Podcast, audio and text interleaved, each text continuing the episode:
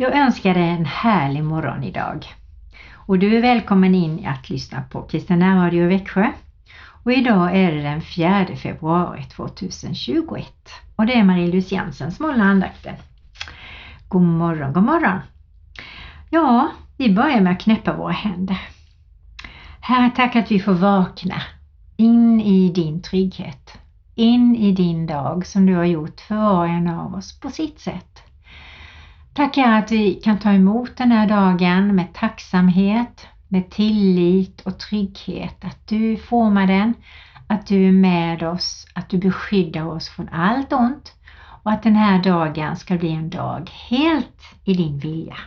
Det önskar vi Herre. Tack för denna nådedagen. Amen. Och nu tänder vi ljuset. Ehm, för Jesus såklart. För att du och jag får vara som ljus i världen. För att Jesus bor i ditt och mitt hjärta. Och är det så att du som lyssnar inte ännu har bjudit in Jesus i ditt hjärta, då kan du få göra det under den här andakten lite senare. Så välkommer du på ett särskilt sätt. Idag tänkte jag läsa ur Matteus 5.1 och framåt och då är det bergspredikan eller salighetsprisningarna som det heter. Och jag tycker det är så kärnfull och bra. Och sen tänker jag faktiskt stanna till vid vissa nyckelord för att vi ska liksom ja, smaka russinen i kakan kan man väl säga. Ja, när Jesus såg folkskarorna gick han upp på berget. Han satte sig ner och hans lärjungar kom fram till honom. Då började han tala och undervisa dem. Saliga är de fattiga som är fattiga i anden. Dem tillhör himmelriket. Saliga är de som sörjer. De ska bli tröstade. Saliga är de ödmjuka. De ska ärva jorden. Saliga är de som hungrar och törstar efter rättfärdighet. De ska bli mättade. Saliga är de barmhärtiga. De ska få barmhärtighet. Saliga är de renhjärtade. De ska se Gud. Saliga är de som skapar frid. De ska kallas Guds barn. Saliga är de som blir förföljda för rättfärdighetens skull. De tillhör himmelriket. Saliga är ni när människor hånar och förföljer er, ljuger och säger allt om er, om er för min skull. Gläd er och jubla, ty er lön är stor i himmelen.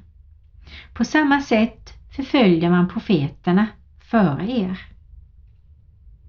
Ni är jordens salt, men om saltet förlorar sin sälta, hur ska den då göra det salt igen? Det duger bara till att kastas ut och trampas ner av människor. Ni är världens ljus. Inte kan en stad döljas som ligger på ett berg. Inte heller tänder man ett ljus och sätter den under skeppan, utan man sätter det på ljushållaren så det lyser för alla i huset. Låt på samma sätt ert ljus lysa för människorna så att de ser era goda gärningar och prisar er Fader i himmelen. Ja, det var det. Och jag fastnade för ett musikstycke som jag tänkte ni kan få lyssna på och det är Per Utbult och Jonas Brockback som sjunger Ett ljus vill jag vara.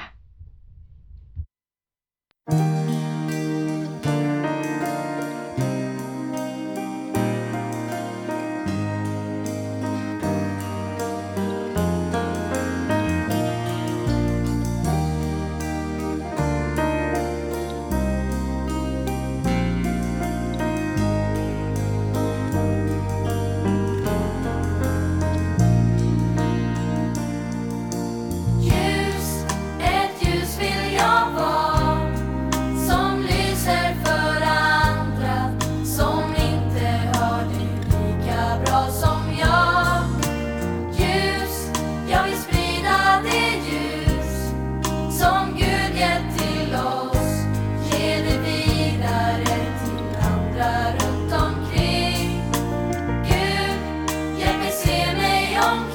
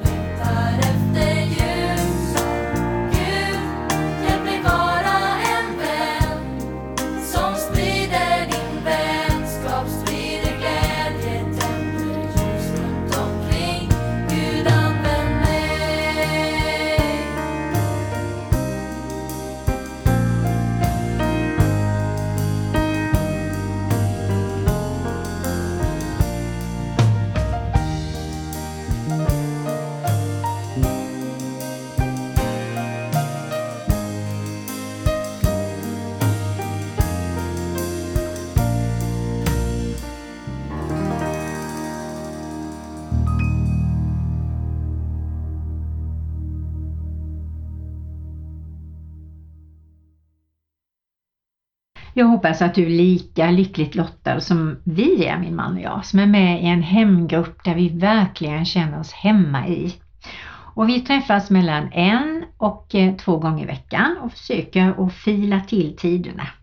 Och vi är sju stycken och eh, vi längtar verkligen till varje tillfälle. Och vi brukar ta en promenad, fika eh, och prata Gud och Jesus och be för varandra. Och eh, för några dagar sedan så var vi och fikade på ett fik och bad dem få sitta lite för oss själva och det hittade vi ett ställe. Och där fikade vi och ehm, här hade det här bibelstället som jag har läst precis nyss för er. Och så tog vi punkt för punkt. Vi hann inte så långt för det blev så mycket prat omkring varje punkt. Men jag tänkte faktiskt dela med mig lite av det som vi kom på. Och det var ju det här med fattige anden. Eh, jag tror att alla människor längtar efter någonting men om man har Jesus och Gud och helig ande så är man faktiskt ganska mättad eller helt mättad skulle jag vilja säga beroende på hur ofta vi kommer och fyller på. Och jag tror att vissa dagar behöver man fylla på mycket och ofta. Och, och, i vanliga fall kanske morgon, middag och kväll om det nu känns naturligt. Men morgon och kväll i alla fall tror jag är viktigt. Och då tänker jag på det jag pratade om förra veckan om Rasmus som kände sig så tom.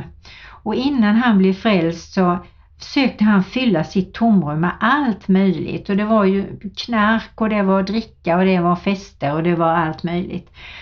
Men det enda som kunde fylla honom och som ger honom tillfredsställelse, det var ju Jesus. Och det var en äldre man som hade berättat om Jesus för honom. Det berättade jag om förra gången. Och jag tror att om vi drar oss nära Jesus och inser att vi är beroende av honom, av hans ljus, hans förlåtelse, hans glädje, hans helande och vad det än är, så är det till honom vi ska gå så ofta vi kan. Och vårt förhållande till Gud, Jesus och helig Ande visar hur påfyllda vi är inför andra människor. Man behöver inte gå och vittna hela tiden. Men är vi fyllda av Jesus och har rena hjärtan, då kommer folk att märka det på ett eller annat sätt. Jag tror att det är en nyckel till att evangelisera. Så är det att kanske man har sitt kors på sig, vilket jag tycker att vi ska stå upp för. Men också att vi fyller på så att vi är alldeles smörkafulla med det som vi behöver och som andra längtar efter för att kunna dela med oss av det på ett naturligt sätt. Sen pratade vi om det här med salt.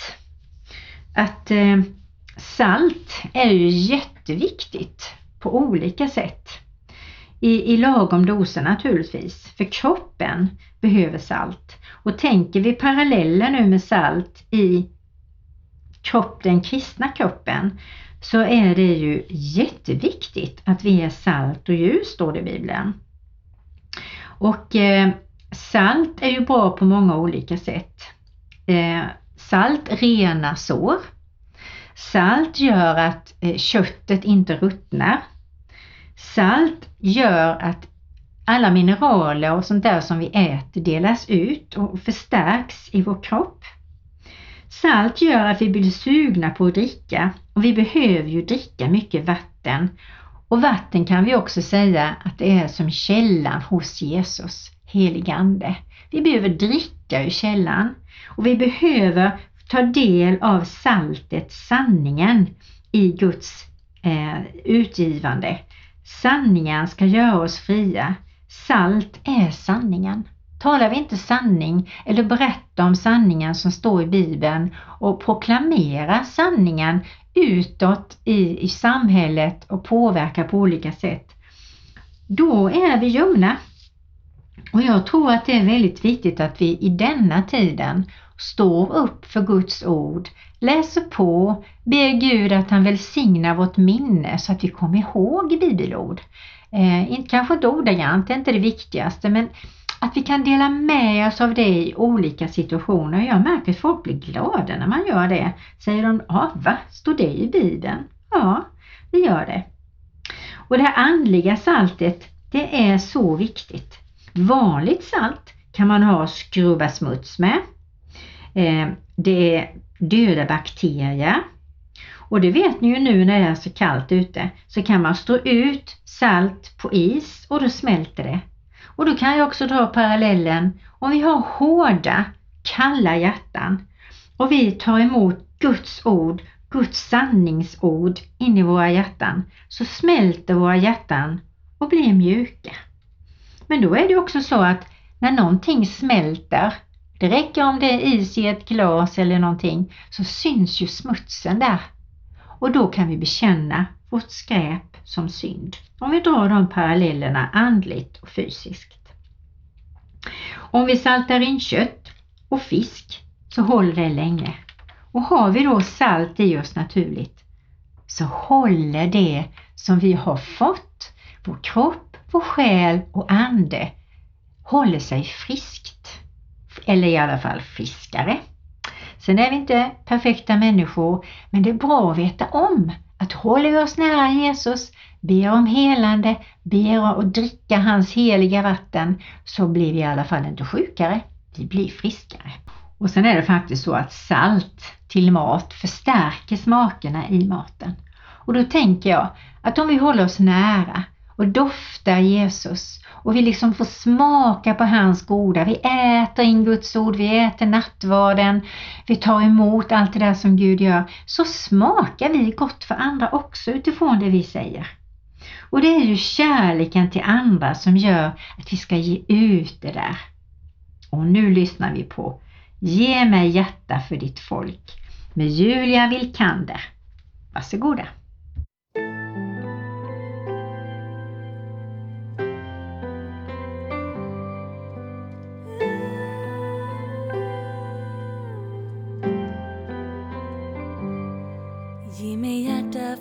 Ditt folk, för dem som aldrig hört.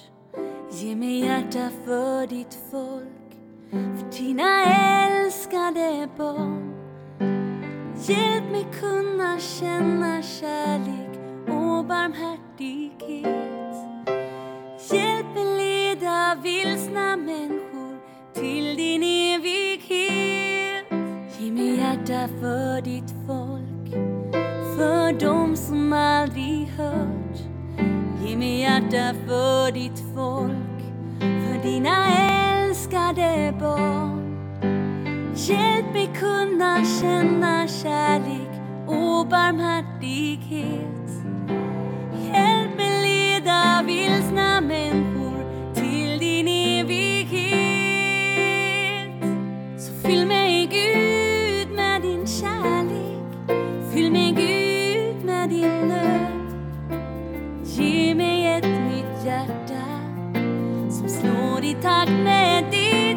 jag kan känna din kärlek, så jag kan känna din nöd.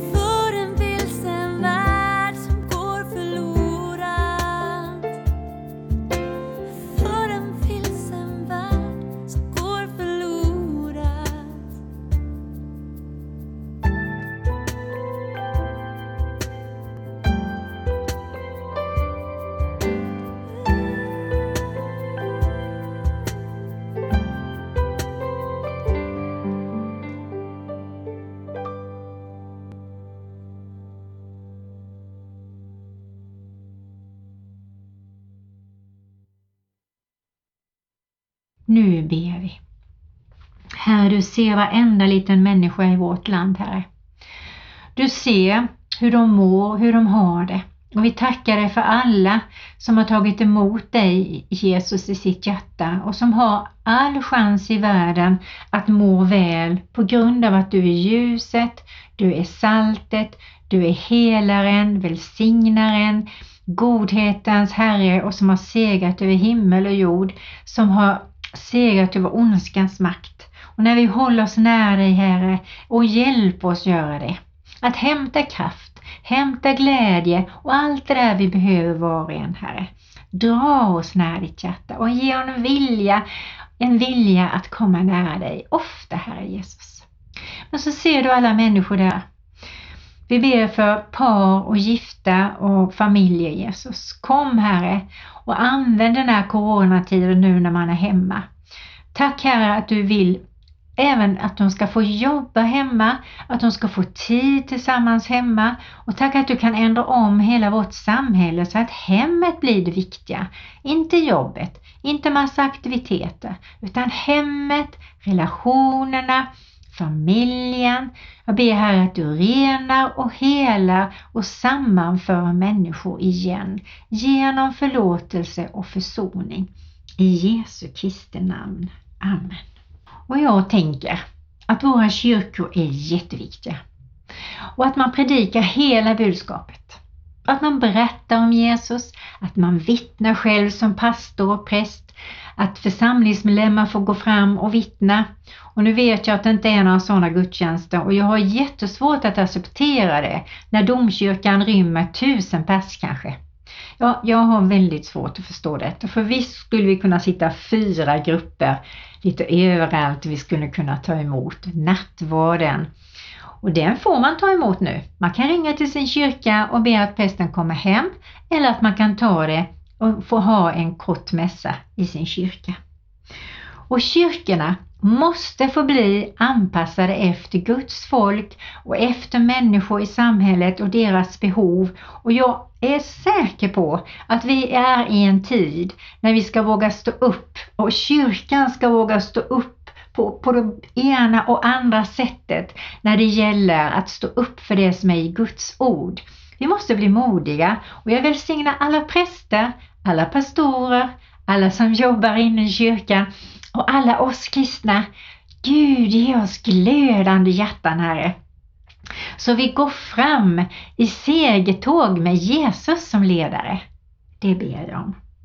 Och jag var i Santa Clara kyrka i Stockholm. Jag hade hört talas mycket om den. Jag vet att jag har berättat det, men alla kanske inte har hört det.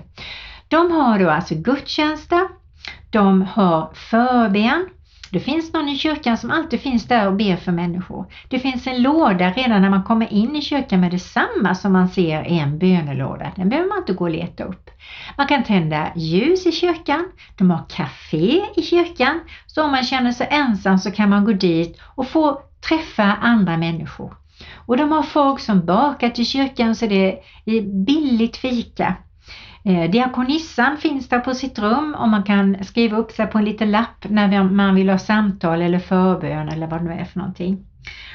Och jag tycker att den här Klara kyrka är så föredömlig.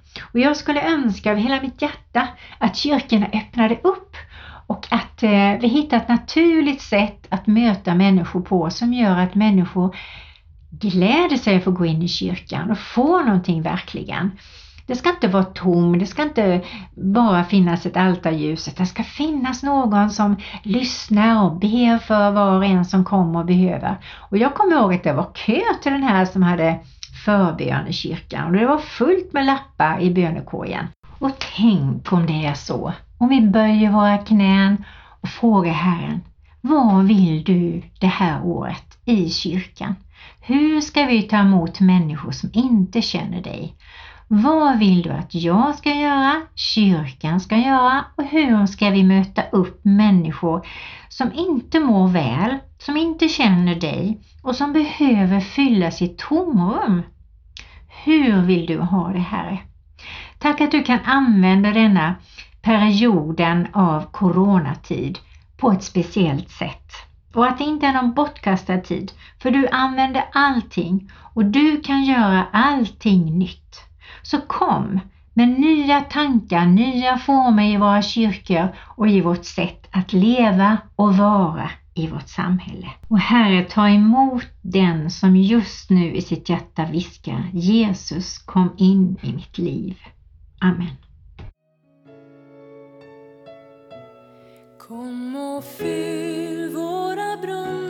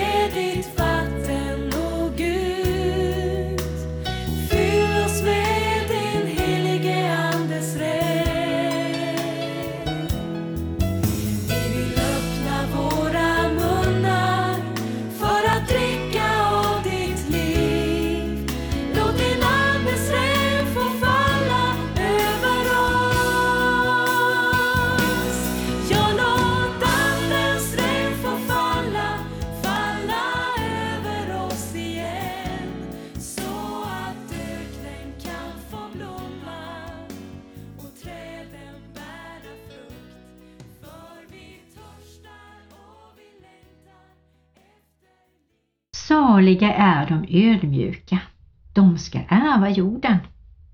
Och vi slog upp ordet ödmjuk och vi pratade om olika tankar vi hade kring det ordet och vi hade väldigt roligt faktiskt och samtidigt så märkte vi att ja, det var inte så lätt att sätta ord på det. Men det vi enades om, det var att man väljer att böja sig inför Guds vilja. Söka Guds vilja, leva i Guds vilja och när man inte klarar det så får man bekänna det och börja om från början igen tillsammans med Herren. Men när jag då tar reda på vad det egentligen handlar om så står det så här enligt Bibelinfo. Övermod och stolthet är farligt. Bibeln säger i Ordspråksboken 16 och 18 att övermod följs av nederlag, högmod går före fall. Ödmjukhet bringar ära och i Bibeln säger Ordspråksboken 29-23 att högmod leder till förödmjukelse men den ödmjuke vinner ära. Gud står emot den stolte. Om ni yngre underordnar er dem som är äldst. För er gäller alla, klä er i ödmjukhet mot varandra. Ty Gud står emot de högmodiga men de ödmjuka visar han nåd. Böj er alltså ödmjukt under Guds starka hand så han upphöjer er när tiden är inne. Bibeln säger i Lukas 18 och 14 Jag säger er, det var han som gick hem rättfärdig snarare än den andre. Ty den som upphöjer sig själv ska bli förödmjukad, men den som ödmjukar sig ska bli upphöjd. Och vidare står det Salig är den som hungrar och törstar efter rättfärdighet. Och då tror vi att det är efter Guds frälsning. Men precis längtar och törstar efter Herren är ju jätteviktigt. Och att man tar för sig av allt det där goda som Gud har för oss. Och eh, är vi påfyllda så kan vi ge ut mycket. Är vi törstiga och kinkiga och har fått för lite från Herren, då är vi ju inte några som kan ge vidare det som Gud har gett till oss. Vi ska vara jordens salt och ljus. Vad vi är i Kristus visar sig på olika sätt. Och att vara salt som jag pratade om innan, det är viktigt. Och att vara ljus är, tror jag, att man ser ljus på tillvaron. Man har Gud som sin frälsare i sitt hjärta. Man litar på att Gud har kontrollen och då blir man glad. Man blir tillitsfull, man blir full av glädje och tillit till livet. Och positiv tror jag också man blir. Man ser det goda i människor, och i det mesta som händer en i livet. Och det tror jag Gud tycker väldigt mycket om. Och det behöver vi fylla på med, särskilt i den här tiden, skulle jag vilja säga. Och det står också vidare att vi ska inte sätta vårt ljus under skäppan. Vi ska inte dölja vår tro. Vi ska inte vara tysta om den. Utan vi ska ta på korset som jag sa innan. Vi ska vara ljusbärare och vi ska inte skyla på något sätt att vi är kristna. Det blir väldigt sorgligt och jag tror att det bedrövar Guds hjärta. Så, Herre, fyll våra brunnar.